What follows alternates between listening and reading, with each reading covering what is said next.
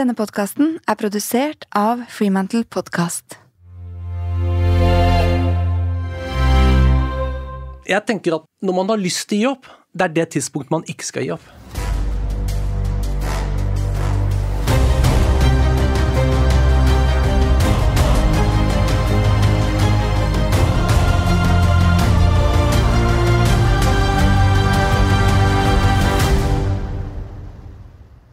Mitt navn er Cecilie Ystnes Myhre, og jeg jobber som mentaltrener og lederutvikler.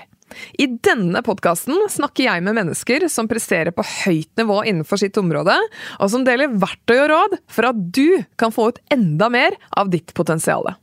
I dag møter du en anerkjent og svært suksessfull TV-produsent. Du skal få lov til å møte Trond Håndlykken Kvernstrøm. Jeg er helt sikker på at du har sett uh, på Idol, Skal vi danse, Senkveld, Gullruten. Jeg kunne nevnt veldig mange TV-produksjoner som er produsert av Trond. Og ikke bare har han produsert disse programmene, han har også vært med på å etablert det kjente produksjonsselskapet Monster Media, og han har også jobbet som direktør i TV 2-gruppen, med ansvar for alle reklamekanalene. I høsten 2016 så sluttet han i TV 2, og nå driver han produksjonsselskapet The Oslo Company sammen med Christian Steen. Trond han har blitt solgt inn fra veldig mange på et positivt mindset, og det sies om Trond at han kan både selge inn en mandag morgen som det beste som har eh, skjedd folk, så jeg er kjempespent på hvordan gjør han det?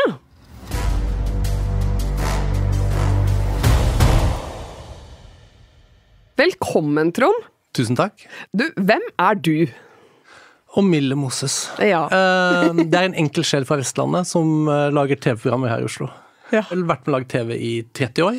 Litt over 30 år. Starta på slutten av 80-tallet med at jeg jobba for Halvard Flatland i TV Norge. Da lagde jeg slagere som Casino, Reisesjekken med Helge Hamlo Berg, Klart svar med Per Ståle Lønning og Tor Erling Staff, blant annet. Jobba der i, i Det er hele barndommen min du nesten ramser opp her. og så, etter det, så ble, ble jeg spurt av Egmont om å starte nordisk film. Og så starta jeg nordisk film på midten av 90-tallet. Lagde jeg 'Millionær' og verdens beste uh, nachspiel-film, 'Get Ready To Be Boys Voiced', med Espen Eckbo. Og så jobba jeg, drev jeg, var med å drive nordisk film i seks år, og så starta jeg Monster på tidlig 2000-tallet sammen med Olav Øen. Uh, og der lagde vi veldig mye TV-programmer. Uh, ja, Idol, Norske Talenter, Stjernekamp, Hellstrøm rydder opp kjøkken, Firestjerners middag. Ja, lagde veldig, veldig mye for NRK, TV 2, og Discovery, eller da TV Norge, da. Ja. Du sier jo allerede her eh, startet det, startet det, startet det. Er det det som er din drivkraft? Det å starte ting? Eller er det selve kreativiteten rundt TV-konsepter? Altså, fortell meg litt, hva, hva er det du ser så spennende? ja, nei, men Jeg har nok lært meg over tid at jeg kanskje er en oppstarter. da. Ja. Men uh, fascinasjonen for underholdningsbransjen hadde jeg vel som veldig liten. Jeg husker jeg liksom lå på stuegulvet og så på Fred Astaire-filmer og tenkte sånn Jeg har veldig lyst til å jobbe med underholdning. Men øh, moren min, ikke noe galt med henne, hun er verdens herligste person. Og faren min, moren min jobba i Posten, og faren min jobba i oljeindustrien, så det var liksom veldig sånn far-fetched når jeg sa at jeg hadde jobb, lyst til å jobbe i underholdningsindustrien. Da. da var de liksom sånn Nei, det syntes de var rart, da. Men det var en drøm jeg hadde liksom fra jeg var liten, da. Og så fulgte jeg den drømmen.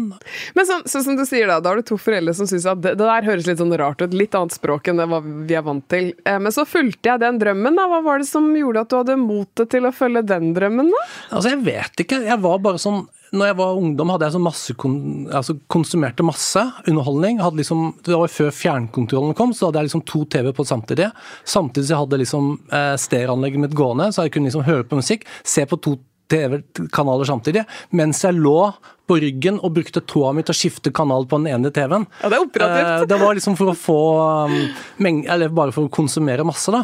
Eh, det var bare at jeg hadde en sånn iboende lyst til å liksom jobbe med dette. Jeg var liksom veldig sikker på at det var det jeg hadde lyst til fra veldig tidlig. da, og Det er veldig deilig når du studerer eller går på skolen at du vet at du vil et sted, men det er klart, det var jo et usikkert farvann, fordi det var jo bare i Norge på det tidspunktet bare NRK som serverte den type underholdning, da. Det var jo bare én kanal. Ja, Så den reisen fra du finner ut at jeg skal gå for kallet mitt, til den dag i dag hvor du sitter og ser tilbake på så mange års erfaring med det, hva var de første stegene? Det du, hvordan kom du inn i Nei, altså det var jo det at eh, jeg måtte overtale min eller mamma og pappa da, at jeg kunne dra og studere dette.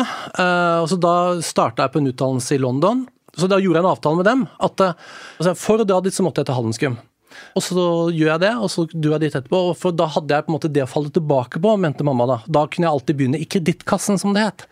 Eh, og da var det veldig tilfredsstillende å være, bo i London, og dette var jo da på slutten av 80-tallet, da kredittkassen gikk konkurs. Eh, for da kunne jeg ringe hjem og si sånn Det var veldig bra at jeg ikke fulgte ditt råd med å få jobb i kredittkassen etter Handelsgym, for da hadde jeg ikke hatt jobb i dag. Men nei, men så jeg begynte der borte, og mens jeg studerte i London, så så var jeg hjemme her mellom år én og det som skulle vært mitt år to. Da eh, og da bodde jeg i et kollektiv her i Oslo, og så var jeg spilte squash på Sagene Squashsenter. Og da sto det TV Norge på en sånn plakat når jeg gikk forbi Sagene Squashsenter. Så tenkte jeg sånn herregud, min drøm er jo å jobbe liksom der. Der har jeg lyst til å jobbe. Og så gikk jeg forbi, og så snudde jeg, så liksom gikk jeg inn i gangen, sto foran døra og tenkte sånn Nei, faen. Eh, jeg tok og banket på, så gikk jeg ut. Ja. Og så tenkte jeg nei, jeg må ta deg sammen, liksom. Du har ingenting å tape, du må gå tilbake. Gikk jeg tilbake, banka på døra. Ingen som svarte, banka på igjen. Til slutt så åpna jeg, og så var det ingen der inne. Det var helt tomt. Så, men jeg hørte en lyd langt, langt borti deg, så jeg liksom fulgte den lyden.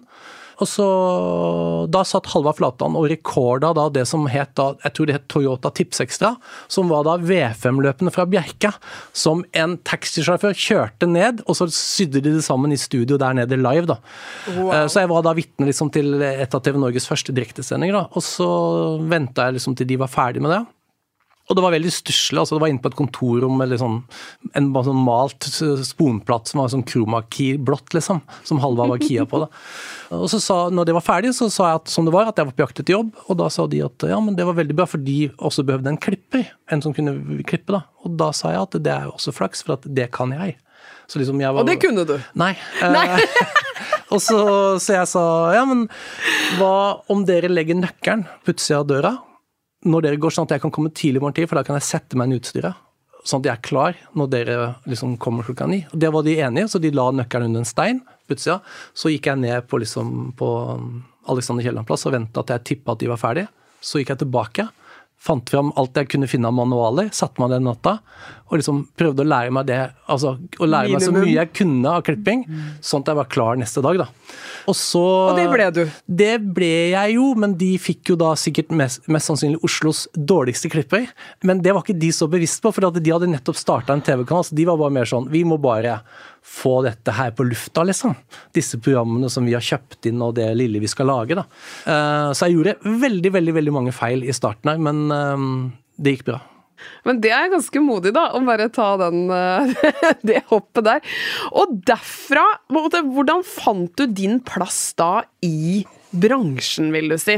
Nei, På det tidspunktet så man, En ting er jo hva man på en måte drømmer om at man skal gjøre, og en annen ting er jo hva man ender opp å gjøre. Altså når, man, på en måte, når jeg var yngre, eller tenåring, da, og hadde en drøm om å i underholdningsbransjen, så var jeg jo ikke sånn Altså, jeg kjente jo ikke til på en måte fulle organ om hvordan dette funka, så jeg hadde jo bare lyst til å ha en fot innenfor. Men så starter det jo med at man da begynner som klipper, og så liksom avanserer man litt innenfor det faget, for mitt tilfelle. da, Og så liksom begynte man å klippe mer innhold, ikke bare ferdigstilling av program. Og så tenker man jo sånn Ok, jeg jobber for en produsent, men den jobben har jeg lyst på. Og så blir man produsent. Og så gjorde jeg jo det i mange år. Da hadde jo TV Norge en inhouse produksjonsunit, da, som jo var, har vært en fantastisk utklekkingsanstalt for veldig mange som er i TV-bransjen i dag. Da. Så der tok det jo liksom folk inn fra gata hele tida. Og der lagde vi jo Vi var i produksjon fem-seks dager i uka ikke sant, i det studioet, så det var jo sykt mye mengdetrening.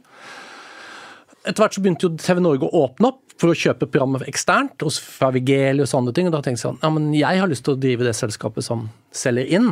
Og så ble jeg spurt av Nordisk om å starte Nordisk Film, og så startet jeg Nordisk Film, og så drev jeg den eh, i seks år. Sammen med flere, da. Og så, når du driver det, så tenker du sånn Ja, men jeg bør ikke gjøre dette for Egmont, jeg kan gjøre dette for meg selv. Og så starta jeg Monster. Ja.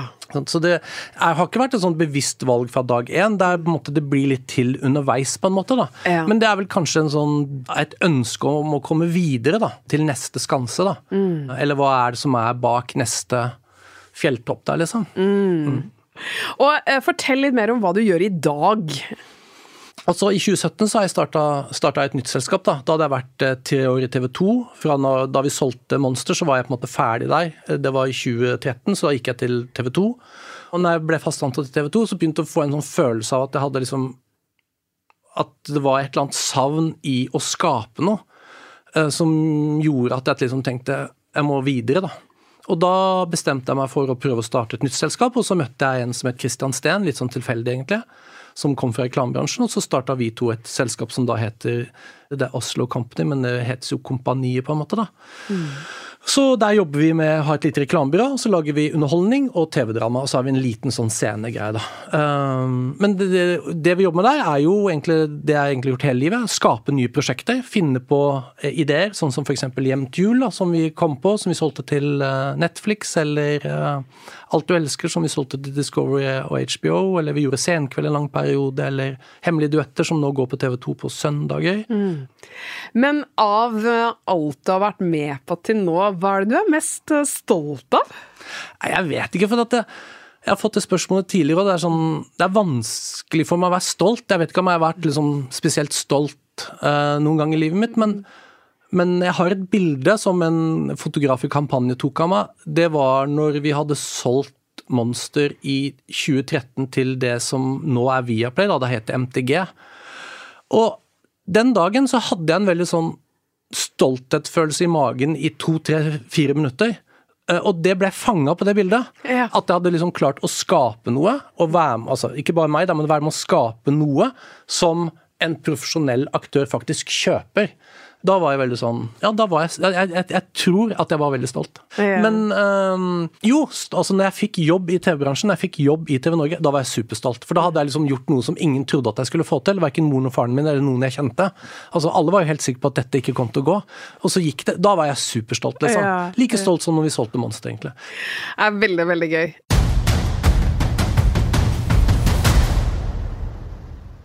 Har du lyst til å utvikle deg som leder? 29. august så starter Raw Performance opp masterclass i prestasjonsledelse. Og på dette kurset vil du lære deg hvilke ledelsesstiler og verktøy som er hensiktsmessige å bruke for å skape en prestasjonskultur både i og rundt deg selv. Kurset kombinerer evidensbaserte teknikker og gir deg den siste forskningen med god praktisk trening for å utvikle deg som leder. Og på kurset så møter du både forelesere og eksperter som lever og leder i prestasjonskulturer til vanlig på høyt nivå. Så er du interessert, gå inn på rawperformance.no og sjekk ut mer informasjon.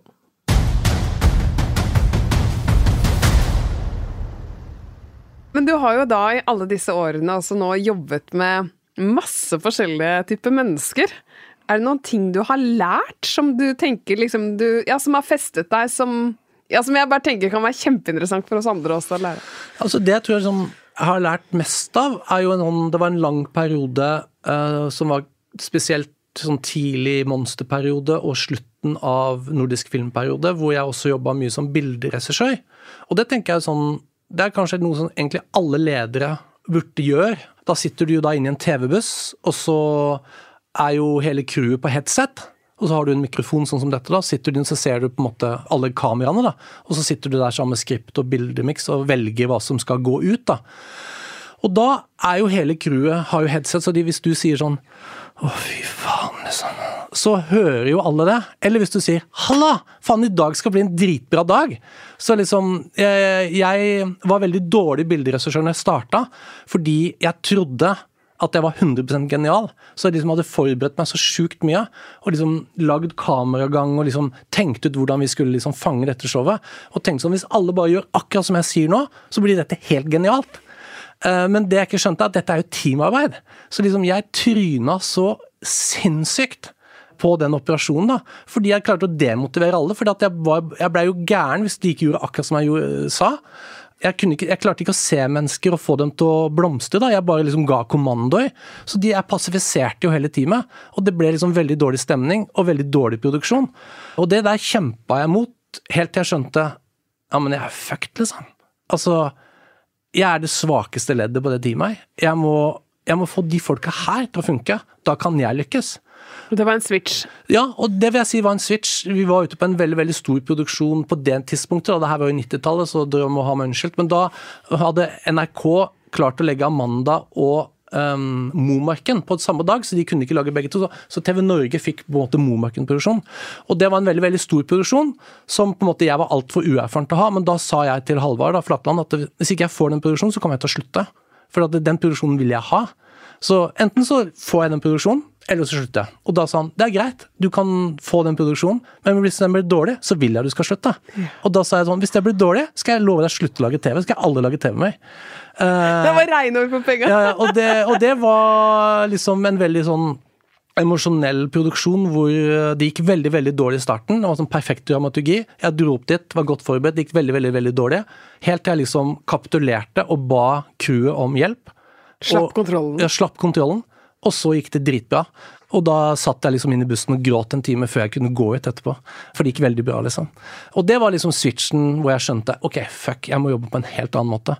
Og det handler jo om å liksom være på det settet Snakke med fotografen og bare si til fotografen du, fy faen, så sykt bra utsnitt, liksom. Det der er helt fantastisk, liksom, det du gjør nå. Og da kan, da kan du banne på at kamera 6 begynner å zoome. Jeg vil også bli sett. Og liksom bare ja, bare det å kunne gi tilbakemeldinger. Det bør ikke bare være ros, da, men liksom veldig konstruktiv tilbakemelding. da. Mm. Det er jo kanskje det jeg har lært aller, aller mest av. da. Mm. Og så er det jo så klart vanskelig å ta det inn i et kontor, men, eller inn i en bedrift, da. Men det er på en måte noe jeg har litt med meg i ryggraden. Ja, fordi altså nå må du arrestere meg feil, men jeg tenker sånn på sånne typer produksjoner, da. Det er masse folk, det er masse forskjellige typer personligheter, og ganske mange kreative, sjelelig sterke personligheter og du har vært i denne bransjen så mange år. Ved siden av det å tenke teamwork og eh, gi masse tillit, da, er det andre ting, andre sånne nøkler du har klart å knekke for å spille på lag med disse kreative sjelene så bra? Ja, nei, men Det blir jo litt det samme, men det der å uh, stole på fagfunksjonene, da. Og liksom delegere ut og si sånn du, ok, nå skal vi bygge denne scenografien. Det setter jeg en scenograf til å gjøre. Og så at man ikke liksom jeg kommer med en ferdig idé til alt, men at, at alle får lov til å gjøre den jobben de skal gjøre er jo på en måte ikke en lærdom, da, men det har vist seg og jeg tenker sånn, Lederskap er jo forskjellig fra person til person, fra setting til setting. Så for meg så finnes det ikke noen sånn fasit på lederskap. Noe fungerer for meg, det fungerer ikke for andre. Men for meg så fungerer det i hvert fall det der. Men det er også fordi at jeg kanskje er sånn over middels glad i teamarbeid. Jeg syns det er kjedelig å jobbe alene, jeg syns det er gøy å jobbe i team. da. Men det der å anerkjenne at det er andre personer som har mest sannsynlig bedre ideer enn deg. Det tror jeg er veldig viktig som leder, da, å skjønne at liksom, det er mest sannsynlig folk i den organisasjonen her, eller den bedriften eller dette crewet som er mye bedre enn meg. La, la de få skinne. Slipp det til. Og da, da, blir du mer en koordinator, da. Men så har du måte, et overordna økonomisk ansvar eller innholdsansvar, hvor du da har gass og brems. da, Og liksom kan si ja, men hit, men ikke lenger, eller hva med det, eller ja. mm. men, men, du har jo klart å fått vanvittig mange konsepter, hvis jeg kan kalle det det, da, eh, til å bli suksesser. Er det noen fellesnevner eller rød tråd i hva du vil si er key i sånne suksesser? Ja, jeg synes Det er liksom veldig vanskelig. Jeg husker jeg diskuterte det mye med Nils Ketil Andresen, som var programdirektør i TV 2 når jeg var i Monster. og Han var utdanna på Handelshøyskolen i Bergen, og hans store frustrasjon er sånn men det finnes jo faen ingen matematisk formel på hva som gjør at dette kommer til å funke eller ikke funke. Det er så mange fasetter, da. Ikke så mange tilfeldigheter, men det er så mange ting og mange lag som skal falle på plass, så mange brikker som skal plass før det liksom blir bra, da. Mm. Men det er klart, jeg tror sånn i mitt tilfelle så har man jo lært seg å styre etter en magefølelse på innhold innhold, som jo handler om mengdetrening. At man har produsert veldig, veldig mye. Eh, og da er veldig veldig mye gått dårlig, og, og noe og veldig mye har gått bra. Men altså, man, har, man skjønner liksom mer ut fra en magefølelse hva som kommer til å funke, og hva som ikke kommer til å funke. Men det er basert på veldig, veldig mye erfaring. da. Ja. Mengdetrening. Ja. Mm. Mengdetrening. Jeg tenker på den bransjen som du er i, som litt sånn vinn eller forsvinn noen ganger. Fordi veldig mye av det dere leverer, produserer, får terningkast og Ja, enten det er en suksess, eller så er det ikke på. Eh, hva, hva må du tåle for å være i din bransje? Ja, du må tåle veldig mye avslag. Altså fordi um, det er jo en form for overetablering av selskaper i forhold til antall kunder, da. Så man må i utgangspunktet tenke at man må tåle mye avslag. Når jeg var programdirektør i TV 2, så tok vi vel imot 2500 pitcher i løpet av et år. ca. 250 gikk til utvikling, og 25 ble bestilt. Så det er jo sant, eh, Nåløyet er veldig trangt, da. Så man må være tjukkhuda og liksom ikke ta det personlig at uh, den geniale ideen din ikke blir kjøpt. Ja, og det, det derre tikkhuda der, har du den? Har du alltid hatt den, eller har den vokst seg med, med, med mengdetrening? Nei, den har blitt tjukkere med mengdetrening. Ja. 100% ja. Jo, men jeg tenker jo det er der mange blir Kanskje faller litt av, da. At det blir for mange nei. Så man tenker, vet du hva det, This is not made for ja, me. Men, men jeg tror det å jobbe utvikling, altså pitche ideer og jobbe utvikling, det tror jeg er sånn Det er veldig få som gjør det hele livet. Jeg tror du gjør det som i perioder av livet. Ja. Og så går du tilbake og gjør produksjon, f.eks., bare for liksom få det på, og så kan man gå inn i utvikling og, og, og pitching igjen, da. Det er nøkkelen. ja, altså garantert. Jeg, jeg ville ikke anbefalt noen å gjort det 20 år på rad. Nei, nei. nei. Men samtidig, jeg syns det er ganske gøy. Jeg syns det er veldig gøy å pitche. Ja. Spesielt gode prosjekter, liksom. Det er jo noen ganger jeg får den der følelsen at det er sånn Ja, men jeg bare vet at jeg kommer til å selge det. Altså, jeg bare vet det, liksom. Eh, det er bare et tidsspørsmål. Altså, jeg jeg syns det er veldig gøy med hele den der pitch-prosessen. Jeg, eller tilbake til deg, jeg er nok en sånn Først og fremst kanskje en igangstarter. Starter, da. Det, altså, det, er det jeg har lært meg underveis. da. Ja. At det er det jeg syns er gøy. Jeg syns det er gøy å starte ting. Ja. Min annonsør er TrippelTex, og TrippelTex er eh, det mest brukte webbaserte regnskapsprogrammet i Norge, med over 85 000 kunder, og det er ikke uten grunn. Og så er du kanskje som meg, da. Du har startet et uh, selskap eller sitter som daglig leder og har masse kompetanse, men ikke nødvendigvis på regnskap. Og da trenger vi gode støttesystemer. Og det som er så fint med TrippelTex, er at der får du en smart og veldig sånn intuitiv løsning på regnskapsprogrammet. Du får også automatisering og mulighet for å koble til andre systemer du bruker. Så hvis du allerede nå tenker at ja, men jeg har noen andre systemer, men de funker kanskje ikke optimalt, da kan du rett og slett koble de på TrippelTex, og så får du faktisk en litt mer effektiv arbeidshverdag uten dobbeltarbeid, og det liker alle som eh, jobber i næringslivet i dag. Og har du lyst til å teste uten noen form for risiko og store kostnader, så får du til det faktisk, fordi du kan prøve TrippelTex gratis i 14 dager, og da går du inn på trippeltex.no slash gratis.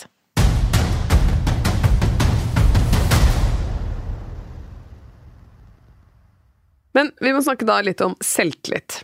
Hvis vi tenker på det som en muskel. Altså sånn, Hvordan bygger du opp en selvtillit til å være robust, tåle avslag, stå i stormen når det gjelder? Fordi du har hatt mye suksess med konsepter, men det har garantert vært tøffe tørner òg, sikkert. Ja, mange ja. fiaskoer. Ja. Hva er det du bygger selvtilliten din på? Jeg, jeg, opplever at selvtilliten kan variere litt med både um, hvor du er i livet. Altså sånn, Jeg har jo tre barn, hatt perioder med sånn veldig lite søvn. Og Da er normalt liksom, da er selvtilliten min lavere, da, og jeg er skjørere, på en måte. Og man har perioder hvor man er liksom helt utslett, eller kanskje syk. Eller at man, det er skjedd familiære ting knytta liksom til ja, bortgang av folk man kjenner og sånn. Er så det, selvtilliten varierer jo litt, men, men jeg vet ikke, for meg så uh, Altså, jeg vet ikke om jeg har god eller dårlig selvtillit. Men jeg, men jeg, tror ikke jeg har dårlig, men jeg tror ikke jeg har sånn sinnssykt god heller. Men det er nok bare det at jeg har et sånn bilde av vår bransje mer som en sånn fotballbane. At vi er der ute, og en del av min jobb det er å skåre mål. Og det syns jeg er gøy. Og den lysten, og den tror jeg på en måte også er den der bedøvelsen på, mot dårlig selvtillit. At ja, men vet du var, fordi om jeg ikke fikk det, så syns jeg fortsatt at det er gøy. Ja. Det er ikke sånn at jeg tar det med meg hjem og liksom ok, misforstå meg riktig, men i vår bransje så er det litt sånn sendt er glemt. Ok, du prøvde, we, we, had our best shot, vi fikk den ikke. Nei, ok, vet du hva. Ferdig med det. Neste. Hva er neste prosjekt? Og det er jo litt digg med TV-bransjen, for det er jo en, da er det en sesong da med ti eller tolv program. Ok, og så er man ferdig med det. Og så må man bare komme seg videre, liksom. Det handler jo veldig mye om, om frontut, det er ikke så mye bakspeilet, da. Ja. Eh, altså I en periode hvor det er mye avslag, sånn som det er nå for alle, da, i den perioden man er nå, med litt sånn økonomiske uh, urotider og litt sånn vanskelige kår for alle, så kan man jo fort få lav selvtillit. Ja, men jeg har ikke klart å selge noe på en stund. Men det er fortsatt gøy. Ja. Og det hjelper jo veldig, da. Ja, det hjelper, og det er jo et mindset. Men det mindsettet, vil du si at du alltid har hatt den litt sånn spiren i deg selv som gutt, eller har det vært noe du har utvikla? Nei, jeg vil si når jeg var yngre, så var jeg jo ikke Jeg tror jeg var stabilt godt humør, men jeg var ikke så sånn Altså, jeg, jeg vil si jeg var helt normal, men jeg tror nok det var bare fordi at eh, jeg av en eller annen grunn, jeg skulle sikkert snakka med en lege om det, blir veldig glad av å jobbe i denne bransjen. Eh, For jeg syns det er så gøy å fortelle historier, lage prosjekter og underholde. da. Så det er for meg en veldig sånn sterk motor. da. Men den, eh, kall det kreativiteten, da. Hva gjør du for å finne den? Eller bare ligger den der? Nei, det er ikke sånn at den bare ligger der. Nei. Eller i hvert fall ikke for min del. At jeg bare kan liksom sette meg inn på et tomt rom, og så bare et ark, og så bare liksom kommer det ti ideer. Men den kreativiteten be- den består jo av mange ting, ikke sant. Sånn som for min del skjer i møte med andre mennesker. Men det også, bør ikke være sånn bare fra vår bransje, men det kan være sånn at man går på museum, ser på teater, altså prøve å få stimuli, da. Fra- Kilder til stimuli. Ja. Eh, Reise bort, ta en break, eh, ta en lange pauser, fylle opp, eh, få andre typer inntrykk da, som man kan bearbeide og som kommer tilbake. Da. Jeg tror Hvis jeg bare hadde liksom sittet på kontoret sammen med de samme folka, så går man veldig tom. da. Det gjelder for meg, men jeg tror også det er for andre som altså Jeg kjenner jo tekstforfattere som jo er sånn uh, Stefan Ludvigsen, en UN, altså han som har uh, lagd um, Innebandykrigerne. Han er bare, altså, det, det kommer bare ideer hele tida, liksom. Altså, det er bare utømmelig. Et kartotek ja, ja, som bare- altså, det er bare eh, Ti der, og så får du ti nye i morgen, liksom. Han er helt Wow. fantastisk. Men noen er jo sånn òg. Ja. Så jeg tror det der kreativt Dette er jo forskjellig fra folk til folk. Da. Ja, Men jeg har veldig behov for å hente påfyll andre steder. Ja. For å kunne performe der, jeg- der jeg jobber, da. Ja.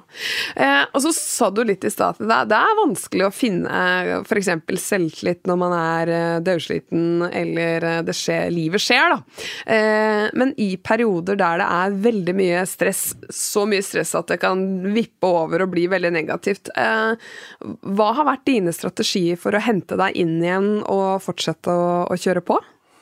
Jeg vet ikke om jeg har hatt en sånn strategi for det, men min innstilling generelt er jo at det eneste konstante i livet, det er motstand. Altså, sånn, det, er, det er ingenting som kommer av seg selv. Og det kan høre veldig sånn negativt, og det er ikke ment som negativt, men det er på en måte styrer jeg jo litt etter. Så forventningsstyrer jeg jo litt etter det. Eh, Og da er jeg forberedt på at det kommer til å komme perioder hvor det er tyngre, og perioder hvor det er lettere, da. Men i de tyngre periodene så blir nok jeg litt sånn som jeg ofte opplever at noen menn blir, litt sånn huleboer. Altså jeg blir veldig stille og er langt inn i hula og veldig sånn grublete, men uten at det egentlig er noe spesielt konstruktivt i det hele tatt. Og da er det viktig å liksom prate med folk. Du kan jo ikke snakke til alle om det, men ikke, for guds skyld ikke legge det ut på Facebook heller. Men i hvert fall liksom Du har jo noen gode venner, en, en bra familie, eh, gode kollegaer, og da liksom Å, å lufte dette ut er det som jeg opplever på en måte tar meg gjennom de tyngste tidene. da, At jeg tør å være åpen om det. At dette er blodtungt, liksom. Um, ja. Jeg syns det er et veldig godt uh... Altså, jeg skal prøve å prate om det, men det er litt vanskelig for meg. Men uh, Jeg mista pappaen min i fjor. Og da Det er tror jeg kanskje det tyngste jeg har opplevd. Og da tenkte jeg sånn Ja, men faen, er det helt over for meg nå? Altså sånn eller Jeg tror det er kanskje første gang at jeg har gått inn i en form for depresjon. da, Hvor jeg tenker sånn Hvor, hvor kona mi også sa sånn Nå er du veldig flat. Eh, og jeg var merka hvor jeg var sånn Jeg var helt nummen, liksom. Ingenting som på en måte beit på meg. Hadde ikke lyst til å møte noen. Ble invitert på en premierefest, men bare sånn Jeg kommer ikke til å gå. Nei, Som var uvant for deg? Ja, altså helt totalt Bambi på glattisen, liksom. Aldri opplevd det før. Men da tenkte jeg bare ok, jeg må omfavne det. Jeg må bare Det er hva det er, jeg må tørre å bare være det. Og så må jeg bare finne veien min ut av det. Og det var jo med å liksom ja, si det til mine venner at sånn har jeg det nå. Uten at liksom eh, jeg, jeg var jo ikke noe sykemeldt eller et eller annet, men jeg satt inne på et helt mørkt kontor som ikke det var noe lys på, og jobba bare med lys fra Mac-en. Og da husker jeg kollegaen min sa sånn Skal du noen gang komme ut av det mørke rommet? Ja ja, på et eller annet tidspunkt, liksom, men jeg må jobbe meg gjennom det. Ja. Tørre å bare være i det. Og så Jeg tror at vi mennesker evner å liksom finne veier ut av ting, da. Jobbe meg gjennom det, det var veldig fint sagt. Men det er ikke gjort på en lysbryter. Det er ikke sånn jeg, har det, jeg er lei meg nå, jeg har mista pappa, og så er jeg ikke lei meg i morgen. Altså, jeg trodde at når vi begravde pappa, at dette kom til å gå over etterpå. Men det var da det kicka inn, på en måte. Og det var jeg ikke forberedt på. Det var som en sånn, Nå bare tok en sklitakling. Og så var jeg på en måte helt flat. Og ikke kreativ, ikke spesielt produktiv. Men jeg var opptatt av å på en måte ikke legge meg ned. Men å liksom stå oppreist, spasere på jobb, holde datteren min i hånda på vei til Uranienborg skole, gå ned til jobben, gå inn der, sitte og jobbe. Og så visste jeg, og jeg er 100% sikker på at dette kommer til å gå over. Men bare Altså, det var jo ikke Altså, det er mange som hadde hatt verre enn meg, men tørre å være lei seg og bare si at du, jeg er dritlei meg nå, liksom. Mm. Og så da, da, går det over. Jobbe, seg, jobbe meg gjennom det. Mm. Jeg syns det var et veldig sånn fint sitat da, å ha i livet. Har du noen andre sånne type Litt sånn livsfilosofier som du, som du tar tak i, som fargelegger litt av hvordan du ser på livet og velger å forholde deg til utfordringer? Nei, altså um, I hvert fall sånn tidlig i, i, i karrieren min så hadde jeg mye sånne uh, floskler da, som jeg kunne si, og da var det en kollega av meg som uh, hele tida noterte ned, og han tror han må gi det ut som en bok. Men uh, heldigvis så mista han not notatblokka, for det hadde vært veldig flaut for meg. men nei, jeg har ikke så veldig mange sånne ting, men jeg har jo noen sånne som gjelder bare for meg, da. Det er jo ikke noen fasit for andre, men som jeg nevnte, det der at jeg i utgangspunktet tenker at liksom, ja, det eneste konstante i livet, det er motstand. Ja. Det kommer til å være motstand. Det er sånn det er. Det kommer ikke til å være lett for meg å selge inn det nye det og det. Det er 50 andre selskap som også selger på det. Så liksom bare liksom ha det som forberedt. Og så er jo liksom dette debattert, da, men jeg mener jo at tempo er kvalitet. At, Ah, liksom, gøy. at det, det går litt for sakte på generell basis. Og det her kjenner jeg at jeg elsker. Overalt, liksom. Men, eh, nå mener jeg ikke å være kritisk, men det går litt for sakte i kassa på Rema 1000 av og til òg. Jeg tenker sånn Tempo er kvalitet. Hadde de bare fått litt mer gass der, så hadde de klart å slå inn enda mer på den kassa i løpet av en dag. Og jeg tenkte veldig Har du, har du funnet på dette selv? Har du lært av noen? Det her, jeg, det her kommer jeg til å ta inn i bedriften min Nei, nei, nei, asap! nei, nei men tempo og kvalitet Det er mange på jobben som ler av meg når vi Ja, sier det, men, ja. men, eh, men det blir fortsatt brukt nede Ja. hos oss, da. Tempo er kvalitet. Men jeg tenker at det er mye som kunne vært litt opp i tempo. Ja. Når Jan Fredrik Karlsen og jeg gikk de første rundene på Idol, når vi skulle liksom gjøre audition på det, og vi dro liksom rundt til disse byene, og da hadde vi pre-audition, altså vi sila de som skulle inn til dommerne. Eh, Og da var det ikke bare meg, da, men det var, vi var en gjeng. da. Og da tenkte jeg sånn Her er tempoet kvalitet. Altså Jo flere jeg ser, jo større sjanse er det for at jeg oppdager Kurt Nilsen.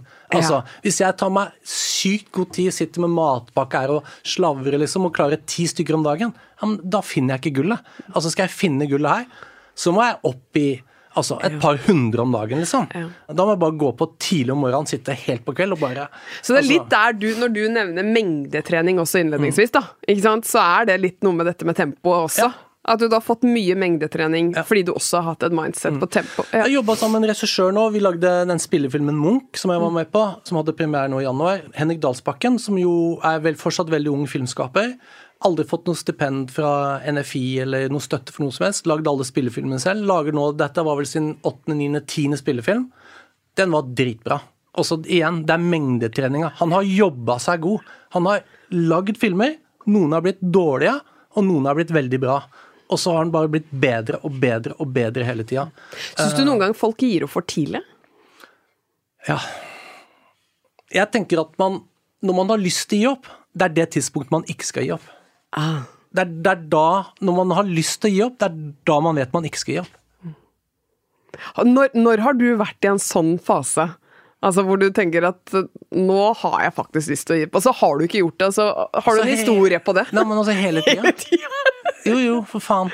Hele tida. Altså Uh, Vi lagde Spellemannsprisen for eh, Spellemann og NRK nå. Det var beintøft. Mange interesseorganisasjoner. Første gang produksjonen var puttet i NRK på mange år. Altså du får lyst til å gi opp, det er helt naturlig. Men jeg tror du må tenke at det, som det å ha lyst til å gi opp, er ikke utgangspunktet en nega, altså Det er nødvendigvis ikke negativt at du tenker at det er menneskelig. Det er helt sånn, Du må bare embrace og tenke sånn Jeg er et menneske, jeg har lyst til å gi opp. Dette er fuckings beinhardt nå. Men det er da du ikke skal gi opp. Du må bare videre. Over neste bakketopp så er det kanskje gull i, i enden av dalen der. Og når du kommer i de fasene der Én ting er jo da å ha Kjenne at det, det er en stemme som kommer på banen. Eh, som gjør at du får det, det den drivkraften da, til å fortsette. Men er det andre ting som er viktig for å fortsette å kunne ha den staminaen? Altså er det Du nevner jo teamet som en suksessfaktor. Ja, men på TV så er det sånn Ja. Det finnes ingen orakler. Altså i TV-bransjen. Det er ikke sånn at det finnes et geni. Hvor vi alle sammen kan, Hvis vi bare følger det, så går det gjennom ventilasjonsanlegget. Det, I TV-bransjen, eller i hvert fall i min bransje, det handler bare om å bygge bra team. Bra, god kultur og bra team, liksom. For det, det, er, det, er det det er. Det er teamarbeid. Er det noen andre sånne ting i forhold til eh, teamwork som du tenker er viktig å trekke fram? Som er suksesskriterier, sånn ut fra din erfaring? Jeg jobba med Stein Rugge Bull når vi jobba i Nordisk Film, og han og jeg hadde veldig sånn forskjellig holdning til det å bygge team. Og hans er ikke gal, men den var gal for meg. Ja. Han ville veldig gjerne ha liksom, konflikt i teamet. At vi var veldig sånn, forskjellige mennesker som hadde liksom, forskjellige innfallsvinkler på, på måte, det man skulle lage. Da. Og, at og at det ble mer sånn konfliktfylt og friksjon. Jeg er ikke så glad i det. Og så vil noen sikkert beskylde meg for å være konfliktsky. Mm. Men jeg er glad i å liksom være tydelig på brifen, mm. på hva vi skal lage, og prøve å finne folk som har det samme mindsettet. Mm. For det er vanskelig nok bare det å lykkes. Og da tror jeg du må liksom, at alle må være ganske sånn aligned på at det er, det er her vi kjører, liksom. Det er denne retningen her. Dette er motorveien. At man er tydelig på denne brifen. Dette er budsjettet, det er lavbudsjettet eller ikke lavbudsjettet. Det er disse forutsetningene. Liksom, ikke skape noen falske forhåpninger, men være veldig sånn realistisk på hva er det vi skal starte nå, og hva er det vi ønsker å oppnå. Mm. Og så kjører vi, liksom. Og da ønsker jeg ikke egentlig for, altså Det kommer naturlig nok noen konflikter i et teamarbeid, det er helt naturlig, men da ønsker jeg ikke å starte på liksom bak 50 meter bak 60-meteren. Altså, da er jeg keen på å liksom ha clean start fra get go. da. Og bygge på den entusiasmen. Ja. ja da tåler man kanskje de tørnene litt uh, mer òg. Og så tror jeg også liksom Men jeg vet ikke, men er, jeg føler ikke alltid at det er rom for det, da. Men dette med entusiasme er liksom det, er, det, kan være litt sånn krevende. For hvor entusiastisk skal man være, og er det noe galt med deg hvis du er entusiastisk, da?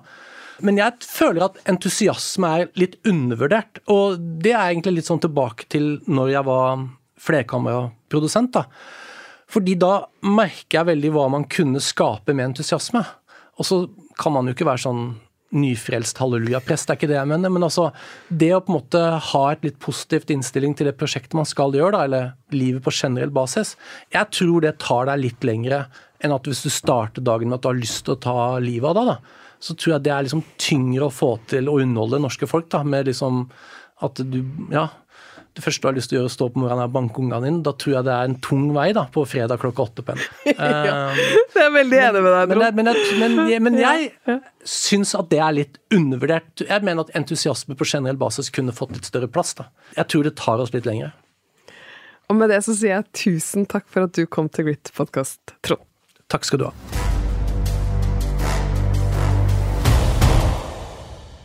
Det er fire ting som står igjen for meg etter samtalen med Trond. Det ene er entusiasme. Det andre er at det kan også lønne seg å være litt pragmatisk tidvis. Det tredje er betydningen av eh, tempo. Og det fjerde er aldri undervurder mengdetrening.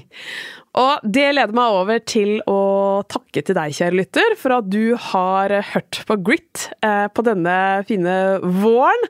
Vi har vært gjennom mange spennende samtaler med mennesker som eh, utmerker seg i sine jobber på sine bransjer, og de har delt uh, flittig av råd og erfaringer, slik at både jeg og du kan sitte igjen og utvikle vår egen grit.